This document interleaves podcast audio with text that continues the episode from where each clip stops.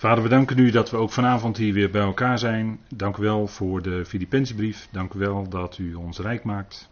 Dank u wel voor dat evangelie wat we via de apostel Paulus hebben leren kennen en wat ons enorm rijk heeft gemaakt in de loop van de tijd, Vader, en waar we mee leven, waar we uitleven.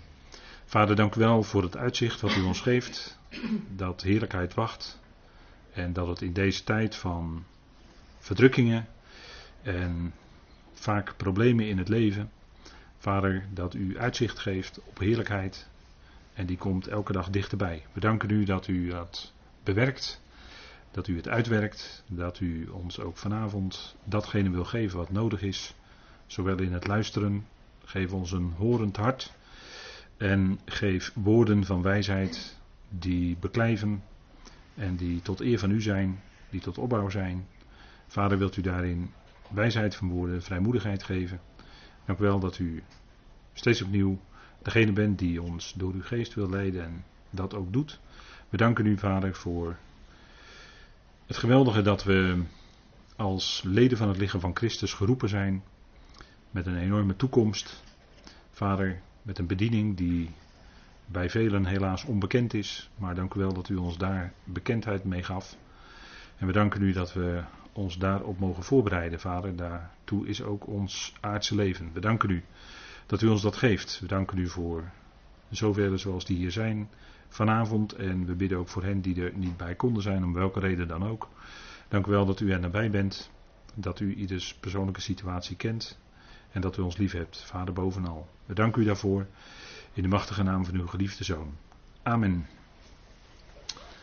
Goed, wij lezen met elkaar Filippenzen 4 en ik wil graag met u lezen als een stukje inleiding voor vanavond uh, de versen 14 tot en met 19. En dat doen wij weer vanuit de concordante tekst. Daar staat meer nog, jullie, handelden, jullie handelen uitstekend door met mij deelnemer te zijn in de verdrukking. Ook jullie, nu, Filippenzen, weten dat in het begin van het evangelie, toen ik uit Macedonië kwam, niet één uitgeroepen gemeente met mij deelnam in rekening van uitgaven en ontvangst dan jullie alleen. Want jullie stuurden mij ook in Thessalonica, een en andermaal, naar mijn behoeften. Niet dat ik naar de gave zoek, maar ik zoek naar de vrucht die toeneemt op jullie rekening. Ik heb echter alles en ik heb overvloed. Ik ben volledig voorzien nu ik van Epaphroditus jullie bijdragen ontving. Een aangename geur, een welkom offer, welgevallig voor God. Mijn God nu zal iedere behoefte van jullie vervullen in overeenstemming met zijn rijkdom in heerlijkheid in Christus Jezus. Tot zover. En we hebben de vorige keer gekeken naar de versen tot en met vers 16, die rekening van uitgaven en of een en andermaal stuurde zij een gift aan de apostel naar zijn behoefte. En dat was toch wel bijzonder, want niet iedere gemeente had hem zo ondersteund. Als je de brieven leest, bijvoorbeeld aan Thessalonica en aan Korinthe, dan lees je dat Paulus met, eh, hen niet wilde belasten, maar dat hij met zijn eigen handen desnoods nacht en dag werkte om in zijn eigen onderhoud te voorzien, zodat hij de gemeente niet hoefde, gemeenten niet hoefde te belasten. En ehm, dat, is, uh, dat was voor Paulus ook een vreugde, want hij zei: Zo kan ik het Evangelie om niet brengen. En het Evangelie is natuurlijk ook om niet. Het spreekt van genade. We leven in genade en hij kon het daarom ook om niet brengen, dus als genade. Hij hoefde er niets voor uh, in ontvangst te hebben. Maar de Filippenzen die stuurden hem wel uit eigen beweging. Niet omdat hij erom vroeg, maar uit eigen beweging, wat God in hun hart werkte, stuurde zij hem wel de nodige ondersteuning. Op het moment dat hij het nodig had. En vader wist dat natuurlijk. En dat is ook het geweldige van ons leven. Als we ons leven bewust leven onder zijn leiding. En we geven dat leven over aan hem. En dat is denk ik toch iets wat een dagelijkse iets is dan uh, zul je ook gaandeweg gaan ontdekken, en vooral zie je dat pas achteraf terug, dat hij voorziet in al wat nodig is. Niet wat wij denken dat we nodig hebben, dat is wat anders vaak. Dat correspondeert niet altijd met wat vader nodig vindt dat, wij, dat hij ons geeft. Hij weet beter wat wij nodig hebben dan dat wij dat zelf weten. En hij geeft ons dan naar wat nodig is op dat moment. En dat is dan achteraf gezien ook altijd genoeg. En Paulus die had geleerd, dat zegt hij in vers 12, en dat vind ik altijd een uitroep van, of een uitspraak van blijdschap en ook van triomf. Niet dat hij zelf overwon, maar een triomf van zijn Heer.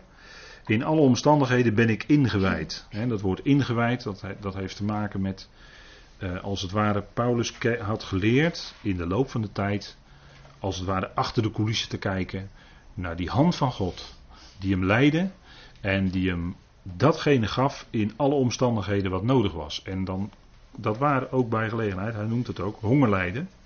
Dus echt, hij heeft echt honger geleden. Gebrek, geen eten hebben, geen drinken hebben. En ook in verzadigd zijn. Waren wel eens tijden dat het beter was. Maar ik denk dat het vaker tijden waren waarin, gebrek, waarin het materieel gezien gebrekkig was.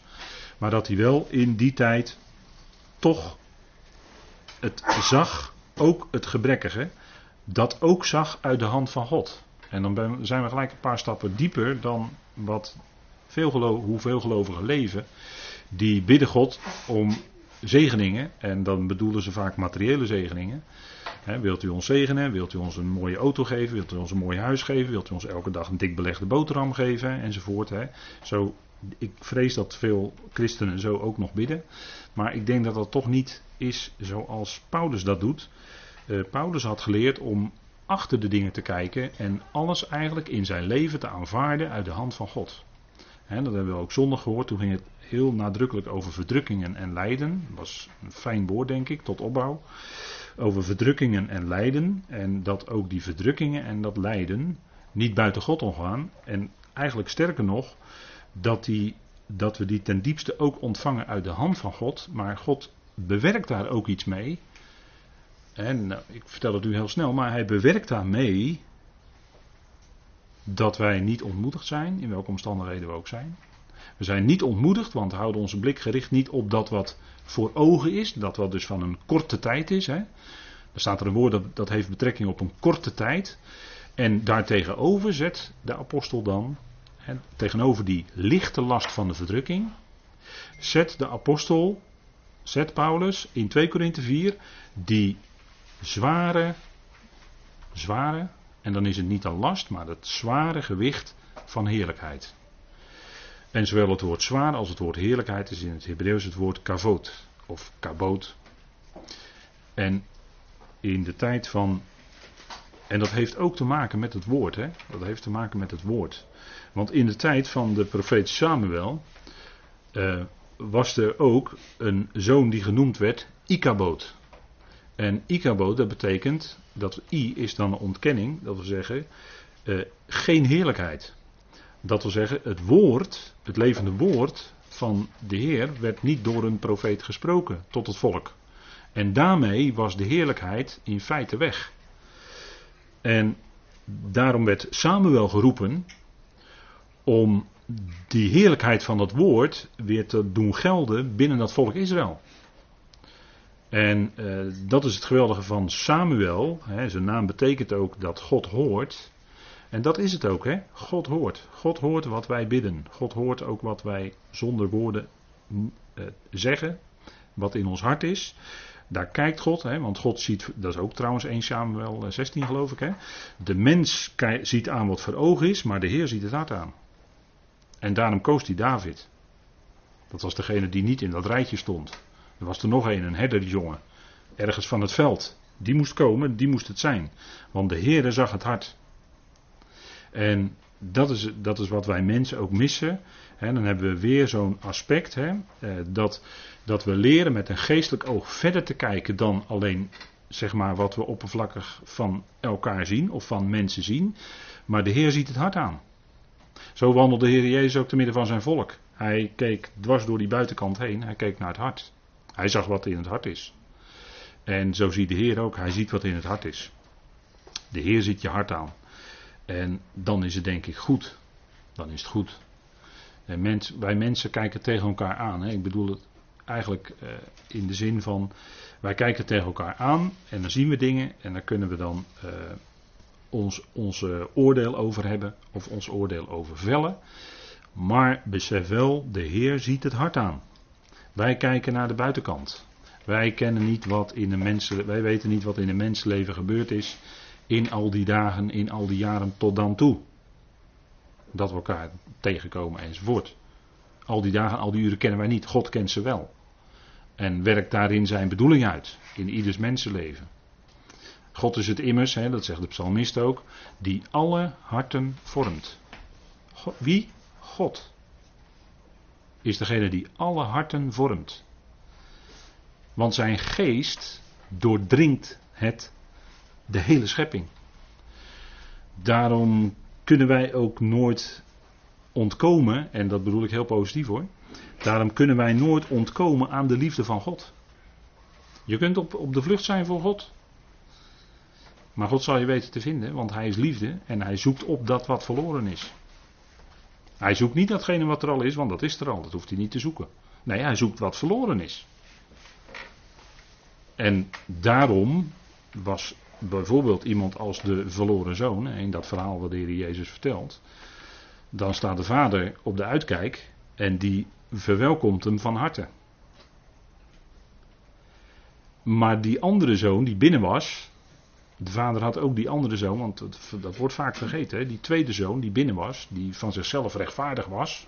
En die kritiek had op zijn vader omdat hij zijn verloren zoon op die manier verwelkomde. Hè? Eh, slacht het uh, gemeste os enzovoort. Hè? Doe hem een kleed aan enzovoort. En uh, die oudere zoon die was daar helemaal niet mee eens. Die was rechtvaardig. Die had, niet zo die had niet zo leven geleefd als de jongste zoon. En die stond maar mokkend buiten. Maar die vader ging naar buiten. Om ook die zoon, want hij had ook die zoon lief om ook die zoon binnen te krijgen. Daar eindigt het mee. Dat is eigenlijk een open einde, hè? Dat, dat verhaal wat de Heer Jezus vertelt. Hè? Er wordt altijd heel veel aandacht op die verloren zoon die dan ver weg gaat en een hele vermogen verbrast en uh, liederlijk leven leidt enzovoort. Hè? Daar is altijd alle aandacht op. Maar we moeten ook eens kijken naar die zoon die van zichzelf rechtvaardig was, die niet zo was als. En op het moment dat wij denken dat wij niet zo zijn als die rechtvaardige zoon die binnen was gebleven, zijn wij net zo bezig als die, als die zoon die binnen was. Dan doen wij precies hetzelfde. Dan gaan wij als het ware een trapje hoger staan dan die zoon die binnen was. Die gaan wij dan beoordelen. Nou, nou, die is toch wel eh, slecht hoor, dat hij die jongste zoon veroordeelt. En dan zijn we precies hetzelfde bezig. dus even Gods woord op jezelf af laten komen dan. Wat de Heer daarmee bedoelt te zeggen. Want die vader die kon pas thuiskomen toen ook die tweede zoon, als die tweede zoon ook binnen was en ook deelnam aan het feest. Pas dan, dan kon die vader thuiskomen, begrijpt u?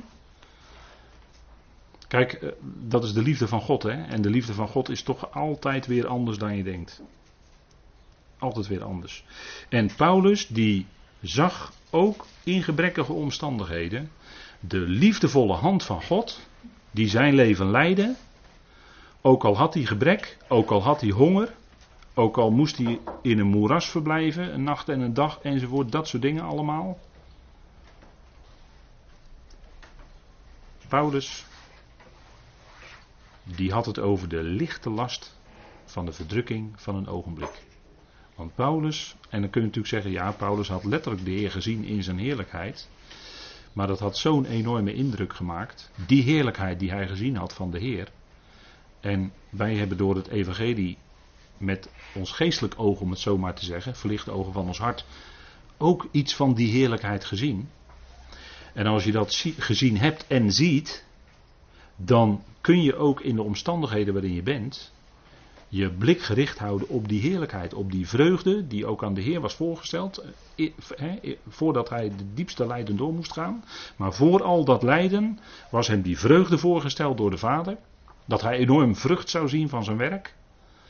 En dat hij door lijden heen tot heerlijkheid zou komen. En dat geldt ook voor ons. Door lijden heen. En dat, lijden is moeilijk, dat is helemaal niet makkelijk. Dat zijn moeilijke dagen, moeilijke uren. Pijn en verdriet en, en moeite en, en noem maar alles maar op. Hè. Het gaat wel door een mens heen allemaal. het is, eh, het is, ik zeg niet dat de weg makkelijk is. Alleen we kunnen wel leren van Paulus om dat in perspectief te zien. Hè? Perspectief wat God geeft in het Evangelie. En dat is fantastisch. Die, die toekomst is geweldig. Ook al heb je te maken met, met kinderen die misschien niet meegaan, die, die niet geloven en niet mee willen gaan in geloof. die zich misschien er zelfs wel tegen verzetten. Daar heb je het moeilijk mee. Daar heb je verdriet van, daar bid je voor. En uiteindelijk zal God je gebed verhoren, want ook dat kind zal door vader terechtgebracht worden. Alleen op vaders tijd. Geloof is geen automatisme. God heeft geen kleinkinderen. Je zou het je kinderen wel willen ingieten, maar dat gaat niet. Dat gaat niet. En, en God is degene die geloof geeft. En, en ja, dat is het. En daar word je mee geconfronteerd als je zelf hè, daar zo nauw mee te maken hebt. God geeft geloof. En dat, dat, is, dat is dan de, de, hoe moet je dat nou zeggen? De, de school hè, waarin je zit, de leerschool waarin je zit. En daar zitten we allemaal nog in, tot het moment dat de bazuin gaat. En dan gaat het veranderen. maar Paulus had gekeken achter de coulissen, hij was ingewijd. En dat is een, een, een geestelijke, daardoor had hij een geestelijke houding, waardoor hij iedere omstandigheid in feite kon doormaken, omdat hij daarin ook afhankelijk was van vader. En hoe het ook gaat, welke omstandigheid ook was, het was uiteindelijk goed, want kijk, God is het die alle dingen doet medewerken ten goede. En dat geldt, en die uitspraak van Paulus uit Romeinen 8, die is niet alleen, eh, dat, dat is niet de goede dingen, want dat, die zijn al goed. Nee, dat gaat natuurlijk juist over de dingen die wij ervaren als niet goed, als minder goed, of als heel vervelend of akelig. Maar ook die dingen, want dat is, dat is de strekking van dat vers in Romeinen 8, hè, dat God het is, dat Hij alle dingen, God doet alle dingen medewerken ten goede voor hen die God liefhebben. Want die beseffen dat. Die God ook erkennen als God. Die God erkennen als de plaatser, als de beschikker in hun leven. Vader, het is heel moeilijk. Ik heb het heel moeilijk mee wat u nu beschikt in mijn leven. Ik heb het er heel moeilijk mee. Maar je leert dan gaandeweg om te bidden, Vader, toch niet mijn wil, maar uw wil daarin. En daarin je schikken. En dat is een hele leerschool. En dat is pijn en dat is vaak lastig. Maar toch een weg die uiteindelijk wel vreugde en blijdschap geeft. Paulus zegt, en dan gaan we naar Filippenzen 4. Filippenzen 4. Niet dat ik de gave zoek, maar ik zoek naar de vrucht. Die toeneemt op jullie rekening. En eigenlijk is het woord gave wat hier staat, dat is eigenlijk een heel mooi woord. Dat betekent eigenlijk het resultaat van het geven. Het is het effect van dat wat je schenkt. En dat hadden die Filippenzen gedaan. Die hadden gegeven. En het effect daarvan was bij Paulus terechtgekomen. Maar Paulus keek natuurlijk niet naar die, dat wat hij kreeg, daadwerkelijk materieel. Maar hij keek natuurlijk naar de harten van die Filippenzen. Die bij hem betrokken waren. Die mensen die voor hem voortdurend in gebed waren. Dat hij vrijmoedigheid mocht hebben om dat evangelie bekend te maken.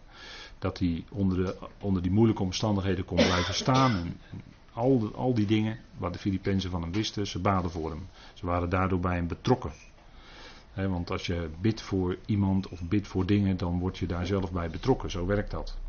Maar de gave is het, is het effect van het geven. Dat wil zeggen, die liefde van God had in hun hart gewerkt en daardoor hadden ze gegeven. Liefde bewerkt altijd dat je wil geven naar de ander toe. En het tegenovergestelde is dat je alles naar je toe wil halen. Dat je helemaal op jezelf alles wil richten. je, je, hebt ook wel eens mensen die uh, spreken, spreken bij voortduring over zichzelf. En hun eigen ervaringen, hun eigen dingen en noem maar eens maar op. Hè? Die hebben het voortdurend over zichzelf. Daarom kun je wel iets opmerken van iemand. Maar het, uh, het geven is iets, uh, dat is juist anders. Hè? Het geven is juist dat wat Gods liefde in je hart uitwerkt een stukje vrucht. Paulus zag dat. Niet dat ik de gave zoek, zegt hij, maar ik zoek naar de vrucht. En de vrucht, dat is, eh, ja, aan de vruchten ken je de bomen. Hè? Um, laat maar even opzoeken in Matthäus 7. Aan de vruchten ken je de boom. Matthäus 7, bekende tekst. Maar misschien is het toch wel goed om weer eens met elkaar te lezen. Matthäus 7, wat de Heer daar zegt.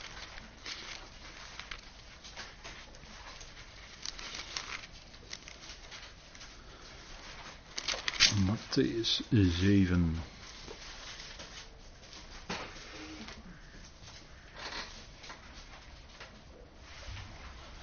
Uh, laten we maar lezen vanaf vers 15, want dat is nog wel, altijd nog wel aardig actueel hoor. Matthäus 7, vers 15. Maar wees op je hoede voor de valse profeten, die in schapenvacht naar jullie toekomen, maar van binnen roofzuchtige wolven zijn. Ik meen dat Paulus daar in, Handelingen 2021 tegen de oudste in Mileten daar wel iets over gezegd heeft. Dus het is nog actueel hè. Want wat Paulus daar zegt is nog steeds actueel. Aan hun vruchten zult u hen herkennen. Men plukt toch geen druif van doornenstruiken? Of vijgen van distels? Zo brengt iedere goede boom goede vruchten voort.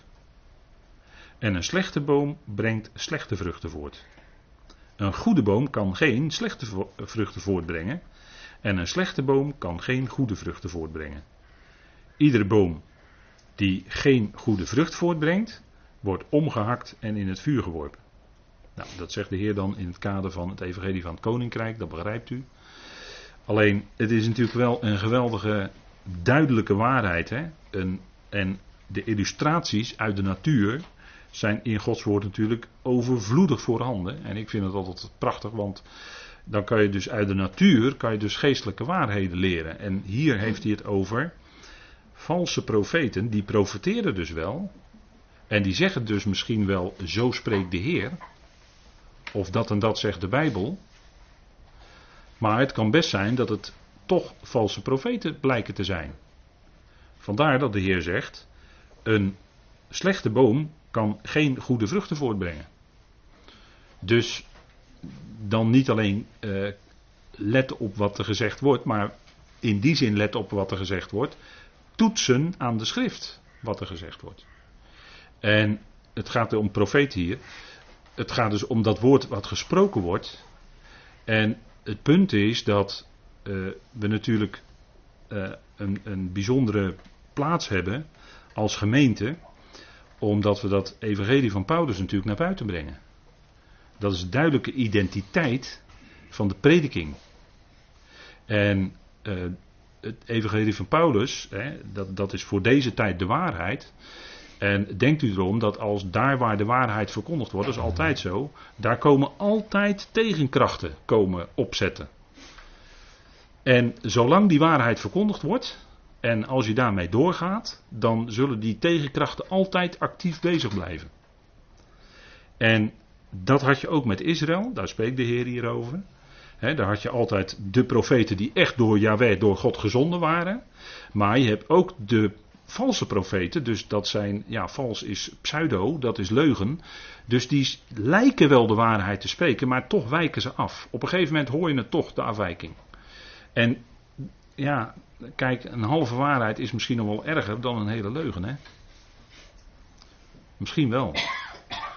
Dus ik denk dat, eh, zeker in deze tijd waarin we leven, waarin er zoveel, als je alleen al in de nieuws kijkt, heb je zoveel fake nieuws en uh, zoveel nepnieuws enzovoort. Hè. En je, hebt, uh, ja, je moet soms echt, je moet de moeite doen in deze tijd, veel moeite doen vaak, om de waarheid echt op tafel te krijgen. Dan gaat het alleen maar om ontwikkelingen in de maatschappij of in anderszins, in een breder verband. Moet je moeite voor doen. Maar het punt is dat je moet bij die profeten ook kijken naar de vrucht. Want uh, kijk, ze kunnen weliswaar in schapenvacht, zegt de Heer, komen. Maar van binnen zijn het roofzuchtige wolven. En uh, zijn ze erop uit om de gelovigen, om de gemeenteleden bij gelegenheid. Uh, nou ja, roofzuchtige wolven. Vult u het verder maar in. En die vrucht, hè, dat is een andere kant. vrucht in ons leven, dat is een ander aspect. Maar dan kijken we even in Johannes. Dus we gaan even nu kijken naar een ander aspect van vrucht.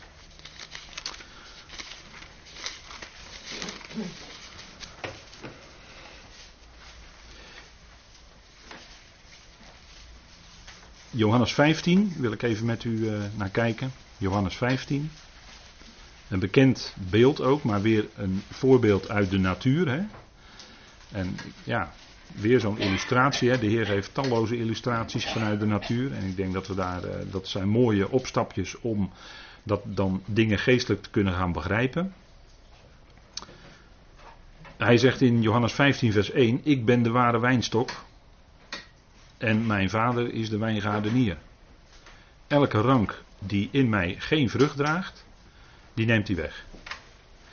En elke die vrucht draagt, die reinigt hij opdat zij meer vrucht dragen. En wat moet je doen bij bepaalde bomen en planten? Die moet je snoeien. Dat is reinigen eigenlijk, die moet je snoeien. dan moet je de uitschieters moet je wegknippen en uh, de verkeerde uh, takjes of waar uh, niet goede vrucht aan komt, moet je ook wegknippen. Dat is dat snoeien. En dat is opdat dat wat wel goede vruchten zijn, opdat dat goed gaat groeien en dat het goede vruchten worden te zijn de tijd. Dat je die kan plukken. Dat is het, punt van het snoeien. En dit, hierin zit toch een punt ook voor alle gelovigen, denk ik, van alle tijden. Uh, als je vrucht draagt, kan het best zijn dat Vader, of dat de Heer, in jouw leven iets inzet. waar je in eerste instantie niet zo blij mee bent, maar Hij heeft er een bedoeling mee. Als de Heer iets in je leven inzet. en anderen die zeggen dan misschien, ja, het is de tegenstander. Wij zeggen misschien, het is God. En soms is dat misschien moeilijk te onderscheiden. Maar hoe dan ook, hoe het ook in je leven uitwerkt, van welke kant het ook komt, God zet het in, want vorige keer hebben we menig gekeken naar 2 Korinthe 12, dat was een bode van de tegenstander. Een engel van de Satan, hè? een bode van de tegenstander die hem met vuisten sloeg. En Paulus bad erom, maar vader nam het niet weg. En dat was opdat Paulus zich niet al te zeer zou verheffen.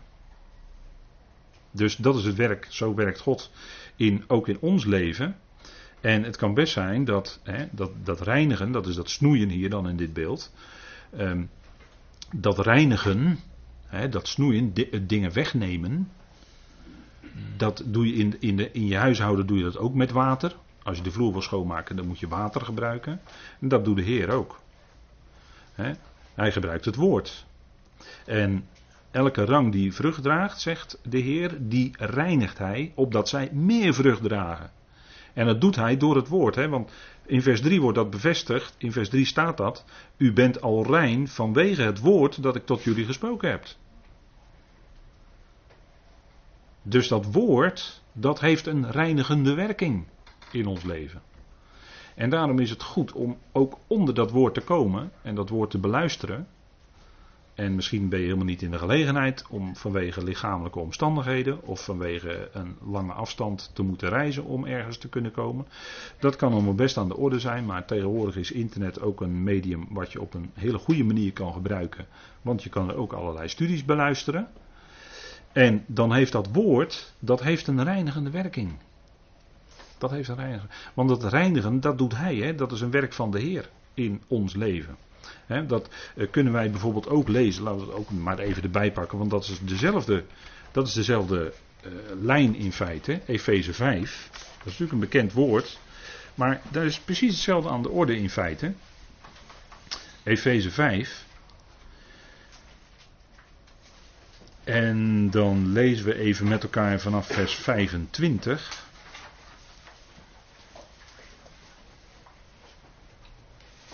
Efeze 5, vers 25. Mannen, heb je vrouw lief. Zoals ook Christus de uitgeroepen gemeente lief heeft. En zichzelf overgeeft ter wille van haar. Opdat hij haar heiligt, haar reinigend in het waterbad. En hoe doet hij dat? Met zijn uitspraak. Kijk, dat water is natuurlijk een type, een beeld van het woord van God. Dus dat heiligende en dat reinigende werk, dat is zijn werk. En dat doet hij door het woord. Door het woord wat gesproken wordt. Opdat hij aan zichzelf een heerlijke uitgeroepen gemeente presenteert, geen vlek of rimpel of iets dergelijks hebben, maar opdat zij heilig en smetteloos is. En zo zal natuurlijk in de dag van Christus de voltallige gemeente voor hem gesteld worden, helemaal smetteloos, zonder vlek of rimpel. Maar in die tussentijd dat de gemeente geroepen wordt, en de gemeenteleden nog op aarde zijn, doet hij zijn werk reinigend en heiligend door zijn uitspraak. Dus het is het woord wat een reinigende werking heeft in ons leven. En uh, dat is het werk, hè, want uh, er zijn natuurlijk genoeg uh, geloofsgroepen waarin men ontzettend bezig is met levensheiliging en dan probeert men zichzelf, wat men probeert dan eigenlijk zichzelf te reinigen. En dat is eigenlijk net de verkeerde richting. Want het punt is dat de Heer dat doet. Zo staat het hier. Hè? Hij heiligt en hij reinigt de gemeente. En dat doet hij door het woord. Het waterbad in het waterbad van zijn uitspraak. Dat doet hij door het woord. Zo reinigt hij. En dat is die werking in ons leven van dat woord. Waardoor dingen uit je leven verdwijnen. Waarvan eh, het woord ook zegt, ja, dat is, eigenlijk, dat is eigenlijk niet passend bij een gelovige. Het gaat er niet om of, wel, of iets wel of niet mag. Maar misschien kunnen we meer spreken van of iets wel of niet passend is bij een gelovige. En dat is datgene wat de Heer dan door zijn woord aanwijst. En waarin hij ja, je duidelijk maakt van hé hey joh. En hij neemt dat weg. En hij laat zien door zijn woord, hey, dat is. Uh, en het is ook zo dat ons denken, ons innerlijk, hè, want door die woorden van God naar binnen te laten komen, door je ogen en door je oren, heeft dat van binnen bij een gelovige in het hart een reinigende werking. Geloof, God is, wat, God is degene die het geloof geeft in ons hart. En door het geloof reinigt Hij het hart. En dat is het punt, hè? Dat is het punt. En dan laten zien dat het geen zin heeft, bijvoorbeeld om te strijden tegen de zonde, maar te rekenen zoals God rekent. En daarmee te rekenen wat God zegt, namelijk dat je dood bent voor de zonde en levend voor God in Christus Jezus onze Heer. Dat is het punt, hè? Daarom gaat het ook niet aan om te strijden tegen de zonde. Want dan ga jij weer actief bezig met die zonde. Ga jij er tegen strijden en die strijd ga je verliezen. Ga maar strijden tegen de zonde en dan ga je het verliezen. Maar als je het volstrekt negeert, dus dood bent voor en daarmee rekent, rekenen dood te zijn voor de zonde, dan leef je voor God en dan is het zaak om te leven voor God. Dat jouw leven als gelovige te leven voor God en je dat bewust te zijn. Vader, ik leef mijn leven met u. En als er dingen zijn in ons leven die aangewezen zijn door het woord, heb ik al meerdere keren gezegd, praat er met vader over. Is het, is het voor jou moeilijk? Worstel je met zaken in je leven? Praat er met vader over. Met andere woorden, breng het in het licht bij God. En het is heel goed om dat uit te spreken. Opdat het in het licht komt bij vader. En vader gaat dan daar heus wel in jouw leven mee zijn werk doen. Maar het gaat erom dat als dat licht van het woord van God op je leven valt, op je hart valt, dan kan het best zijn dat daar duistere plekken inderdaad ineens naar voren komen. Dat kan. Dat kan. Schuilhoeken van het hart, wordt er wel eens over gesproken. Ergens wat je in een hoekje van je hart wegstopt. Maar op een dag komt, toch, komt toch dat licht van het woord erop. En is het zaak om daar met vader over te spreken. En natuurlijk leven we ons leven dan op God gericht, op Hem gericht, op Vader gericht. Omhoog, omhoogziend. Paulus keek vooruit, want hij heeft het hier over de vrucht. Na aanleiding van het woord vrucht hebben we nu wat teksten met elkaar gelezen. Maar die vrucht die toeneemt op jullie rekening. Dat is natuurlijk een beeldspraak. Alsof het een, eh, feit, een vorm van boekhouden was. Dat is het natuurlijk niet. Maar Paulus, wat doet hij? Ik heb het op deze dia gezet. Keek naar de dag van Christus. Want dit gedeelte staat tegenover hoofdstuk 1. En daar heeft hij het ook over de dag van Christus. Hè? Ik denk dat Paulus uh, veel meer leefde met het bewustzijn dat die Bema straks gaat komen. Dat dat Bema-moment daar straks is. Ik denk dat Paulus daar heel erg bewust mee leefde. En ik denk veel bewuster dan dat wij dat doen. Hij leefde zijn leven en hij was zich bewust, straks komt dat moment van de Bema. En daar is natuurlijk helemaal geen sprake van veroordeling. Maar daar is wel sprake van dat wat wij door het lichaam gedaan hebben, het zij goed, het zij slecht, dat zal daar aan de orde komen. En dan zal opgeruimd worden wat slecht was natuurlijk. En er zal blijven dat wat goed was. En, en, en dat is toch een punt. En Paulus spreekt in meerdere brieven nadrukkelijk over dat moment van de Bema. dat is een moment van, niet van veroordeling, maar misschien zou je kunnen zeggen van beoordeling door de Heer. En dan zullen we dat ook kunnen dragen, omdat we daar in een verheerlijk lichaam staan. Of hoe, hoe dan ook, maar op, in, in ieder geval in een verheerlijk lichaam. En dan kunnen we dat ook dragen, die beoordeling van de Heer. Hij keek naar de dag van Christus, de Bema. Hè. De Bema was in, in die tijd van Paulus' dagen een uh, soort uh, verhoog, verhoogd platform. Waarmee men dan ook keek naar de sportwedstrijden en waarop de prijzen dan werden uitgedeeld. Dat was de Bema in, de, in die tijd. En zo, dat, dat beeld gebruikt Paulus om voor ons duidelijk te maken wat de Heer straks gaat doen. Wij zullen straks bij hem zijn en daar zal hij als het ware de prijzen uitreiken, het loon. Ja, dat klinkt misschien raar, maar er wordt toch zo over gesproken. Het loon aan ons toedelen en dan zullen we erkennen, ja maar Heer, dat heeft u in mij gewerkt. En zo is het ook natuurlijk. Dat had Vader, dat had de Heer in je gewerkt. Zeker, zeker. Maar Paulus, ik denk dat Paulus veel bewuster met dat Bema moment leefde, denk ik wel eens, dan dat wij dat doen. Ik heb echter alles, zegt hij dan in vers 18a, en ik heb overvloed. En dat, uh, ja, dat woord hebben, dat is toch wel een wat apart woord. En dat is daadwerkelijk wel iets van. Um,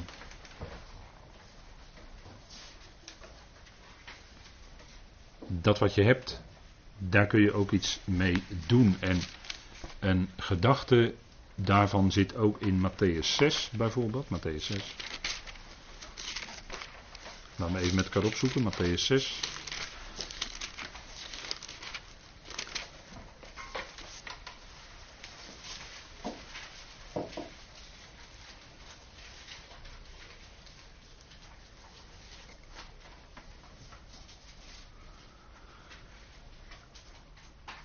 Vanaf vers 1. Wees op je hoede dat je je liefdegave niet voor niet geeft in tegenwoordigheid van de mensen om door hen gezien te worden. Anders heb je geen loon bij je vader die in de hemelen is. En eigenlijk staat er voor dat woord liefdegave bestaat eigenlijk het woord gerechtigheid. En uh, recht doen of gerechtigheid doen, dat houdt ook in dat je uitdeelt wat, of geeft wat een ander toekomt. Dat heeft ook te maken met het woord gerechtigheid, hè, rechtvaardigheid. Dus uitdelen wat de ander toekomt. Dus je. En als je dat doet, dan doe dat dan niet voor de ogen van de mensen. En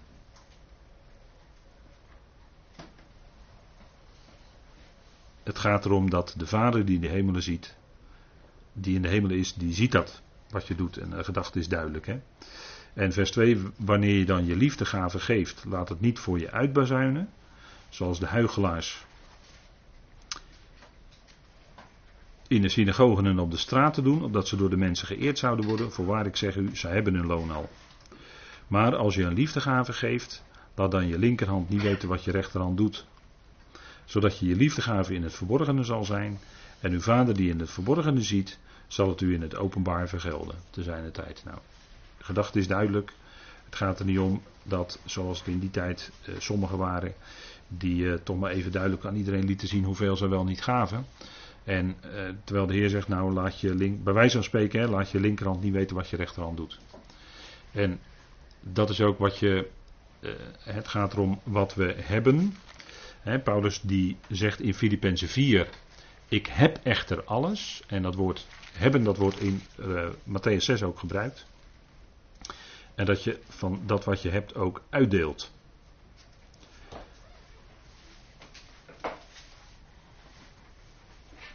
Dat wat je hebt, dat je dat ook uitdeelt. En Paulus die uh, bijvoorbeeld, hè, staat er in vers 2, zij hebben hun loon al. Daar wordt het woord, hetzelfde woord hebben ook gebruikt. Maar dat staat dus ook in verband met het geven. Hè.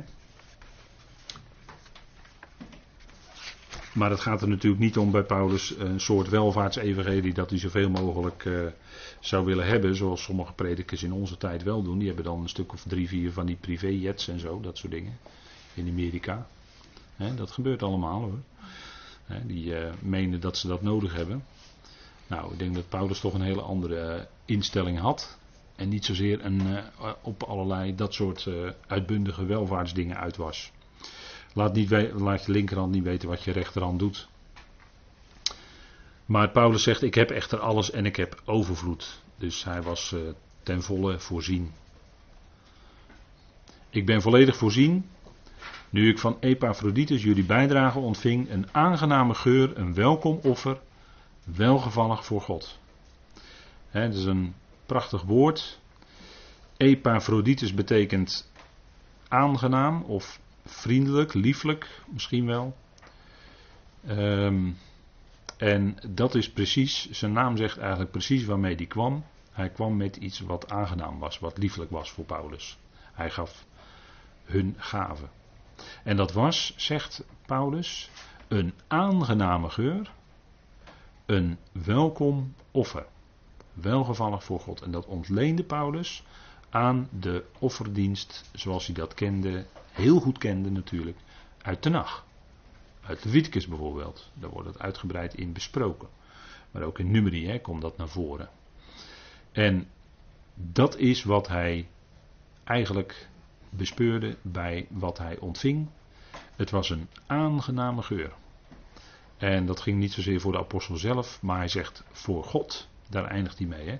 Het is welgevallig voor God. Welgevallig voor God. En, en zo zou uh, hun, hun offerande was zo. Maar daarachter zag de apostel natuurlijk hun leven. En hun instelling. En dat zegt hij ook in bijvoorbeeld dat woord welgevallen. Um, en, en dat woord welbehagelijk gebruikt hij ook in Colossense 1. Laten we het even met elkaar lezen. Colossense 1 vers 10. Want daar heeft het ook te maken met welgevallig zijn of welbehagelijk zijn voor God. Dat is dat gebed, hè? Daar zullen we dan, als de Heer ons daar de tijd voor geeft, nog bespreken met de Colossensebrief in de toekomst. Dat gebed van 9, eh, vers 9 tot en met 11. Maar er staat in vers 10, zodat jullie de Heer waardig wandelen. En daarvoor is erkenning van zijn wil in alle wijsheid en geestelijk inzicht nodig. Zodat jullie de Heer waardig wandelen. Tot geheel zijn behagen. In alle goed werk vruchtdragend. Dus ziet u ook het woord vrucht komen. Hè? Vruchtdragend en groeiend in de erkenning van God. Maar het is tot geheel zijn behagen. En en dat is natuurlijk een, een, een voortdurende ontwikkeling in ons leven als gelovigen. Dat gebed om erkenning van zijn wil, wijsheid, geestelijk inzicht, dat gebed zouden we steeds bidden. Opdat je de Heer waardig wandelt, tot geheel zijn behagen, in alle goed werk vruchten, en groeit in de erkenning van God. Is dat nou ook ons gebed hè, bij tijd en gelegenheid? Dat wij willen groeien in de erkenning van God. Staat er hè? Niet de wil van God, nee, van God. Dus de plaatser. De erkenning van God. En erkennen wij, Paulus spreekt erover in Romeinen 1 bijvoorbeeld, maar erkennen wij nu God werkelijk als God in ons leven? Als degene die de dingen in ons leven op zijn hoofdletter, zijn, zet, hoofdletter zet, zijn plaats zet. Hij plaatst de dingen in ons leven. Dat is niet zomaar toeval, want prediker zegt dan wel, alles wat ons overkomt, dat heeft te maken met tijd en toeval. Ja, maar prediker merkt ook op dat het ons toevalt uit Gods hand hoor.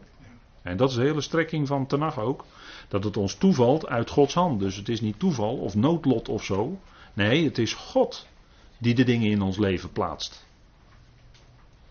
En, en dat dan erkennen. Hè. Het is niet alleen daar kennis van nemen. Dat weten uit het woord dat het zo is, verstandelijk. Nee, het is erkennen. Dat gaat verder. Dat wil zeggen dat je met je hart ook onder die God wil leven, onder de, wat God beschikt in je leven wil leven. En, en het ook van Hem verwacht en Hij zal dan ook de kracht geven om eronder te blijven. dat, dat is wat God ook doet in ons leven. Want dat zegt vers 11 ook direct aansluitend. Met alle kracht krachtig gemaakt. In overeenstemming met de macht van zijn heerlijkheid. Ziet u het? Groeien in de kennis van God betekent je accepteert de dingen in je leven vanuit God. Dus dat wat in je leven is, dat is daar uit God. En dat is niet makkelijk hoor. Dat is niet makkelijk. Vaak. Maar als we dat erkennen, erkennen als uit God, dan is het tegelijkertijd zo dat we met alle kracht krachtig gemaakt worden. En dan hebben we ook volharding en dan komt er iets bijzonders: geduld met vreugde. Het is niet alleen geduld, maar geduld met vreugde. Dus nog een toevoeging, hè? En dat is die genade. Die genade die God geeft, hè? vreugde is, dat is heel dicht bij genade. Eh, die genade die God dan geeft in ons leven is niet alleen die kracht, maar ook dat we volharding hebben en geduld hebben met vreugde. Dus het is niet geduld en. Ik heb geduld. Nee, geduld met vreugde. Je verwacht het van vader. Goed, vader, ik zou het graag willen dat het nu anders zou gaan, maar het gaat nog niet anders. Met die en met die. En ik bid ervoor, eigen kinderen, eigen familieleden, medebroeders en zusters. Ik bid ervoor geduld. En dan geduld met vreugde. Zoals vader ook geduld uitoefent met ons. En daarbij volle vreugde heeft, want hij overziet natuurlijk vanaf het begin het einde. En wij weten ook iets daarvan dat het gaat naar heerlijkheid. Geduld. Lang met elkaar er de moed inhouden betekent dat. Hè? Oude, het ouderwetse woord is langmoedigheid. Wij zeggen nu geduld, omdat langmoedigheid in spraakgebruik niet meer gebruiken. Dat vinden we dan archaïs, hè? met twee puntjes op de i. Maar dat woord langmoedigheid zegt wel iets, dat we zeggen, je houdt lang met elkaar de moed erin. Je hebt lang met elkaar het vermogen, of zelfs, eh, daar, zit zelfs, eh, eh, daar zit zelfs iets in van passie. Eh, met, zit, dat woord heeft te maken met gevoel ook. Geduld. Hè. dat je geduld hebt met vreugde. Dat is die toevoeging, hè? Dat, dat zit eraan vastgekoppeld. Gelijktijdig de Vader dankend. Dus het is niet alleen gebed, maar ook gelijktijdig de Vader dankend. Die jullie bekwaam maakt. En wat ben ik daar blij mee? Dat de Vader bekwaamheid geeft. Want uit onszelf hebben we dat niet. Paulus zegt dat ook, onze bekwaamheid is uit God. En dat geldt niet alleen voor zijn apostelschap, maar dat geldt ook voor u en voor mij in de dingen die wij doen, waar we mee te maken krijgen in ons leven als gelovigen. Onze bekwaamheid om dingen te kunnen doen is uit God. We hoeven dat ook niet van onszelf te verwachten. Nee, die bekwaamheid is datgene wat God geeft. Want die maakt ons bekwaam voor het lotdeel van de heiligen in het licht. Daar is hij mee bezig, om ons daartoe bekwaam te maken. Dat zullen we straks gaan zien. Wat dat betekent. Lotdeel van de heilige in het licht. Dat is boven hoor, dat lotdeel. Dat is boven, te midden van de hemelingen. Daar, maakt hij ons, daar bereidt hij ons op voor. Daar prepareert hij ons voor. Daarvoor zijn we in zijn school van, van verdrukking en lijden. Dat is, een, dat is, eh, dat is, een, dat is hoger onderwijs. dan, dan ben je echt wel eh, de basisschool ontgroeid. Als je in de school van verdrukking en lijden terechtkomt. dan, eh, dan gaat het echt wel een paar stapjes verder, een paar stapjes dieper. En, en dat dan te zien als de lichte last van de verdrukking van een ogenblik. Ja, nou dan heb je een, een ontwikkeling doorgemaakt. En om dan met Paulus ook zo daarnaar te kunnen kijken, dat is wat hoor. Om te zeggen in verdrukkingen, wat hier op de dia staat, mijn beker vloeit over. want de psalmist zei dat in het oog van zijn vijanden. Mijn beker vloeit over. He, onze onze geestelijke zegeningen, die vloeien over, inderdaad. En dat weten we in, in het zicht van onze vijanden. Worden belaagd, vijand is dichterbij dan u denkt. Geestelijk gezien is de vijand dichterbij, want we hebben een oorlogvoering eigenlijk geestelijk gezien. het is geen, uh, niet zomaar een zaak van, uh, van uh, kinderachtige dingen. Nee, het is oorlogvoering. Paulus gebruikt dat woord oorlogvoeren, stratego, gebruikt hij meerdere keren. Het is oorlog. En daartoe worden wij bekrachtigd met geestelijke wapenrusting. Hebben we nodig. Nou, dat woord offer, gaan we even naar terug. Een aangename geur, een welkom offer. Welgevallig voor God. En dat ontleende Paulus aan de eredienst. En dat zijn die offers uit Leviticus. En ik wilde toch vanavond even een enkel aspect van een aantal offers, eh, per offer een enkel aspect voor u uitlichten. Om te laten zien waar uh, Paulus aan gedacht heeft, mogelijk. Kijk, je had in Leviticus 1 tot en met 5 heb je een serie offers, vijf offers. En dat is eigenlijk, uh, eigenlijk zou je die qua. Het is eigenlijk een opklimmende reeks. Maar God begint dan in Leviticus 1 eigenlijk met het hoogste offer, het brandoffer. En ik wilde dan vanavond even bij het laagste offer beginnen, om maar even zo te spreken. Dat is het schuldoffer en waarvan dat spreekt. Het schuldoffer, wat besproken wordt in Leviticus 5 en 6, dat heeft het aspect dat, en dat verwijst en dat wijst naar het lijden van onze Heer voor onze zonden. Voor onze zonden. Dat is dus het laagste aspect. Hè? Dat is op zich al geweldig hoor, dat hij stierf voor onze zonden. Dat is geweldig. Maar dat is wel het laatste aspect. Dat wil zeggen, dat is de dingen die wij gedaan hebben. Daar is hij voor gestorven. Dat heeft hij gedragen. Dat heeft hij weggedragen. En als je in het Evangelie kijkt van Paulus, dan zie je dat Christus stierf voor. U kunt dat aan de hand van een keyword concordance of de stichwoord concordance kunt u dat heel mooi terugvinden. Christus stierf voor, en gaat dat maar eens langslopen. Op, eh, we hebben nou lange zomeravond, blijft lang licht, kun je ook wat langer daarmee bezig zijn misschien. Christus stierf voor goddelozen. Alsjeblieft. Hij stierf voor goddelozen, zegt het evangelie, hè? voor oneerbiedigen. Hem die, degenen die naar hem niet op zoek waren, nou niet bepaald, was Paulus ook niet hoor. Saulus was uh, dreiging en moordblazen tegen de discipelen, zo was hij bezig. En op dat moment zei de Heer, nou, nou pak ik je, nou zet ik je stil en, en draai ik je in één keer om. Hij stierf voor goddelozen, voor een Saulus, op weg naar Damascus. Hij stierf voor ons. En wij passen in dat rijtje, want wij waren ook goddeloos natuurlijk. Wij waren ook bij die goddelozen. Ook al dacht u misschien dat u best wel goed leefde en zo. Maar naar God toe. Hij stierf voor de zonde. Voor de, hè, dat, staat er ook, hè? hij stierf voor de zonde. En bij gelegenheid zegt Paulus, hij stierf voor de broeders. Dat zegt hij in verband met dat we aan de ander geen aanstoot willen geven. Want als iemands geweten nog zwak is, en die heeft moeite met bepaalde dingen, dan zouden wij, die sterk zijn, er rekening mee houden dat die ander zwak is op dat punt of bepaalde punten. En dan waar de ander bij is, daar rekening mee houden. Want het gaat dan om een broeder en dan staat erbij voor wie Christus stierf. Houdt u rekening mee? Dat degene die naast u zit, als gelovige, is uw broeder en, en of zuster. En daarvoor is Christus gestorven. Voor die andere gelovigen die u tegenkomt in het lichaam van Christus. Die is zo kostbaar dat Christus daarvoor stierf. En dan zouden we in, want Paulus bidt om liefde met fijngevoeligheid. Hè?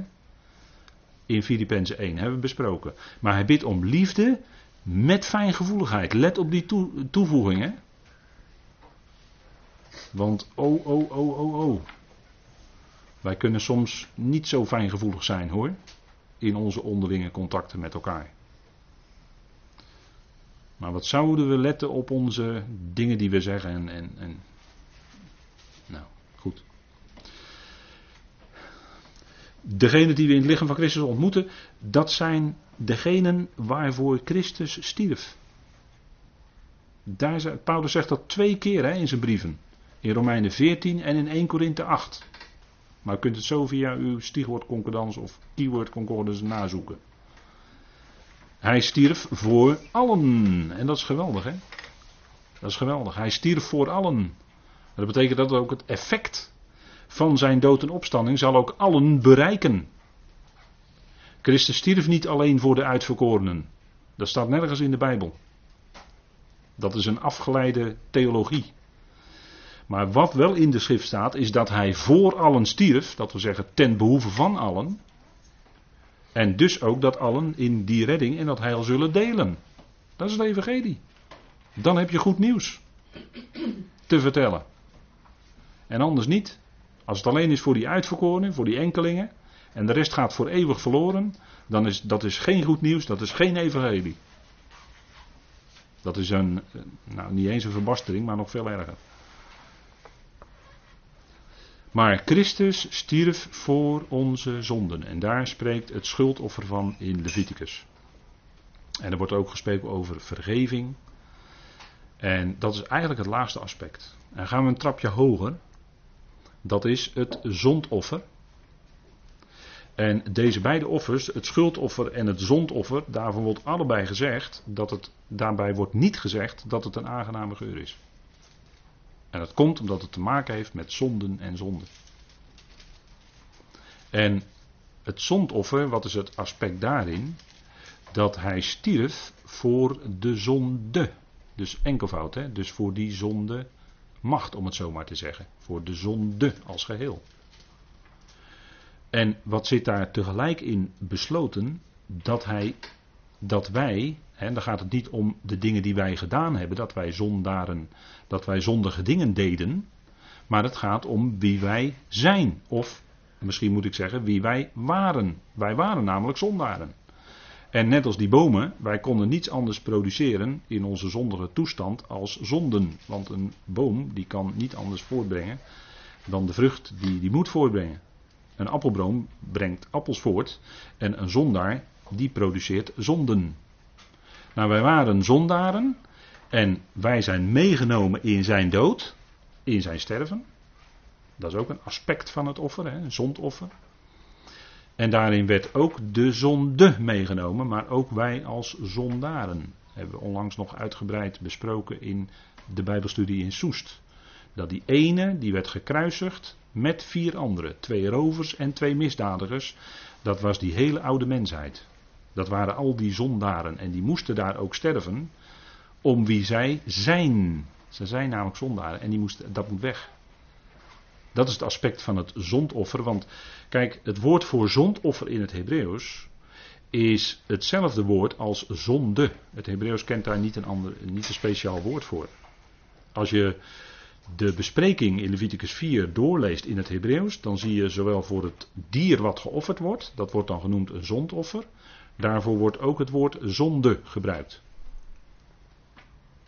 En dus dat dier wat geslacht werd, was ook een zonde, en dat klopt ook, want het moest een volkomen dier zijn, wat verder eh, niet gezondigd had. En dat miste zijn doel, want het werd geofferd. En het zou eigenlijk eh, nuttig moeten zijn in misschien in de, in, de, in de landbouw, of om eh, te eten of wat dan ook. Nee, het moest geofferd worden. En dan zeg je, nou, dat dier mist eigenlijk zijn doel. Dat is eigenlijk zonde van zo'n dier. Ja, precies, ja, dat is het ook. Maar dan zond offer, want werd gebracht voor de Israëliet die bij gelegenheid dat dier kwam brengen als een offer.